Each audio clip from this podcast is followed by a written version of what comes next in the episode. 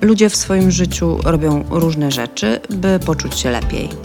Piją, zapracowują się na śmierć, pędzą po sukces albo na czołówkę, medytują, modlą się, a niektórzy lubią się zamartwiać albo notorycznie taplać w wewnętrznym błocie. Każdego coś zupełnie innego gna do tych czynności. Jedni chcą spełnić oczekiwania społeczne, inni odpowiedzieć na potrzeby swoich rodziców lub dzieci, albo się kurcze przyzwyczaili. Wszystkich człowieków, bez względu na kolor skóry, wzrost czy potargane włosy, łączy taka specyficzna cecha porównywanie. Nie ma się co okłamywać. I ja i ty to robimy. Porównujemy się z innymi ludźmi od dziecka. Wtedy było to nawet bardzo przydatne. Nie musieliśmy uczyć się tylko przez własne doświadczenia, ale również korzystać z czyjegoś. U dorosłego osobnika Homo sapiens występują także korzystne elementy wynikające z porównywania się z innymi. Dzieje się tak wtedy, gdy czyjaś praca, rozwój, zachowanie, sposób życia są dla nas inspiracją. Równa się dodają nam skrzydeł podczas tej czasem szarej wędrówki. Trudniej jest z tym bardziej powszechnym, codziennym porównywaniem się, które czasem, jak twierdzą naukowcy, może doprowadzić nawet do depresji. A przecież w tym wszystkim o to chodzi, żebyś sam sobie nie szkodził. Często chcemy być najlepsi w każdej dziedzinie życia. Najlepiej się odżywiać, najlepiej uprawiać seks, być najmądrzejszym i mieć najlepszy kosz na śmieci w całej wsi. Dążąc do tych ogromnych sukcesów, zapominamy o tym, kim jesteśmy. Przestajemy być sobą. Musimy być najlepsi w tym konkursie. Wyróżnić się, zwrócić uwagę, dostać głaski za to czy tamto. Tworzymy nie tylko wizerunek firmy, ale i swój, opakowanie, w którym żyjemy. Chowamy siebie, zmuszamy się do czegoś, co niekoniecznie jest nasze, a to może okazać się dość szybką drogą do wspomnianej już depresji. Wpychanie się do puszki po sardynkach na siłę na dłuższą metę jest okrutnie niewygodne i boli i duszę, i ciało. Z drugiej strony, rozciąganie się na siłę, by być niewyobrażalnie elastycznym, doprowadzić może do pęknięcia. Nie tylko gumki od majtek. Oba przypadki nie dają nam poczucia nie tylko spójności, ale przede wszystkim brak w nich poczucia spokoju i akceptacji dla samego siebie. Wygląda to trochę jak występ w jakimś cyrku. Zakładamy kolorowe i duże przebranie, którego zadaniem jest dokładnie ukryć to, co mamy w środku. Tylko po to, by dostać dużo oklasków i order za bycie najlepszym w rzucaniu kółkami albo podskakiwaniu na piasku. Dla kogo to robimy? Dla kogo uczymy się angielskiego? Dla kogo mamy chodzić w butach na obcasie, by noga lepiej wyglądała? Dla kogo jesteśmy na diecie? Dla kogo pniemy się po szczeblach tej kariery?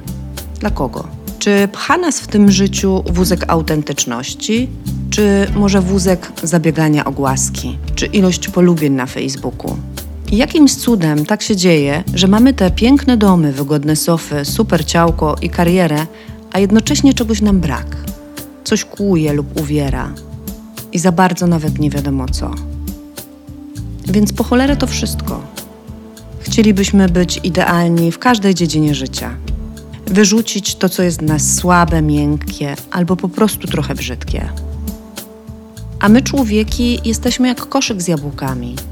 Są w nim różne jabłka, poobijane, z kropkami i te sztucznie nabłyszczane. Każdy w swoim człowieku ma bardzo wiele jabłek, a te, które nie wyglądają najlepiej, zazwyczaj najbardziej smakują. Z sadu przydomowego bez pryskania jakimś świństwem. Delikatne.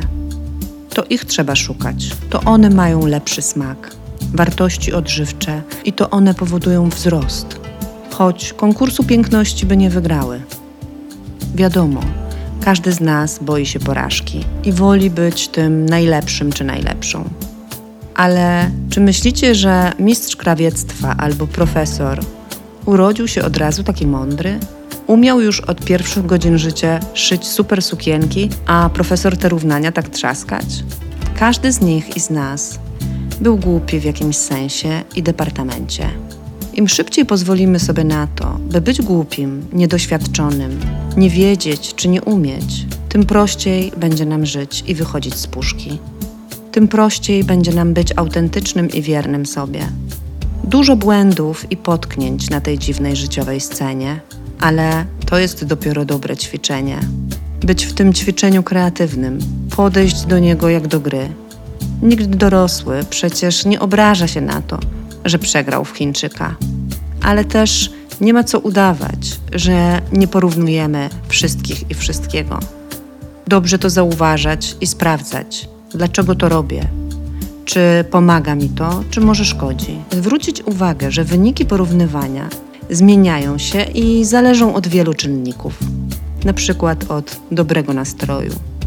Zauważ też, że często porównujemy swoje najsłabsze cechy z najlepszymi cechami innych.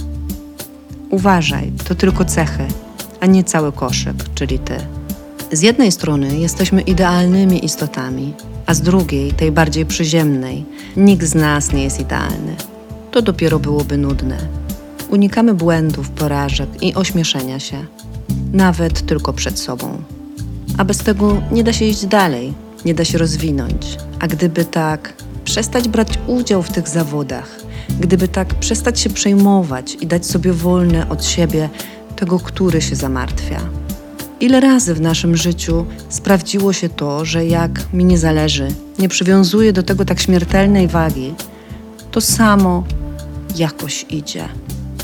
Jak mniej nam zależy, to lepiej sobie z tym radzimy. Jesteśmy bardziej kreatywni i energii życiowej jakoś tak nie palimy na to porównywanie i niesienie sukcesu. Dostosowanie się do jakiegokolwiek szablonu, wymagań, pogoni za nimi może przysporzyć nam wiele bólu i zawodu. Uczciwość wobec siebie nie zwraca uwagi na kulturę, społeczeństwo, sąsiadów czy sławę. Da natomiast bardzo wiele, czyli pozwoli ci mieć siebie. Wielu z nas stara się żyć właściwie, ale nikt nie da nam przepisu, jak to uczynić. Ni guru, ni terapeuta, ni influencer. Instrukcja obsługi życia nie istnieje. Korzystanie z gotowych przepisów, które chcą nam podrzucić tu i tam, może spowodować, że zabraknie czasu na to, by po prostu żyć od tak, nie szukając aprobaty dookoła. Ciałko.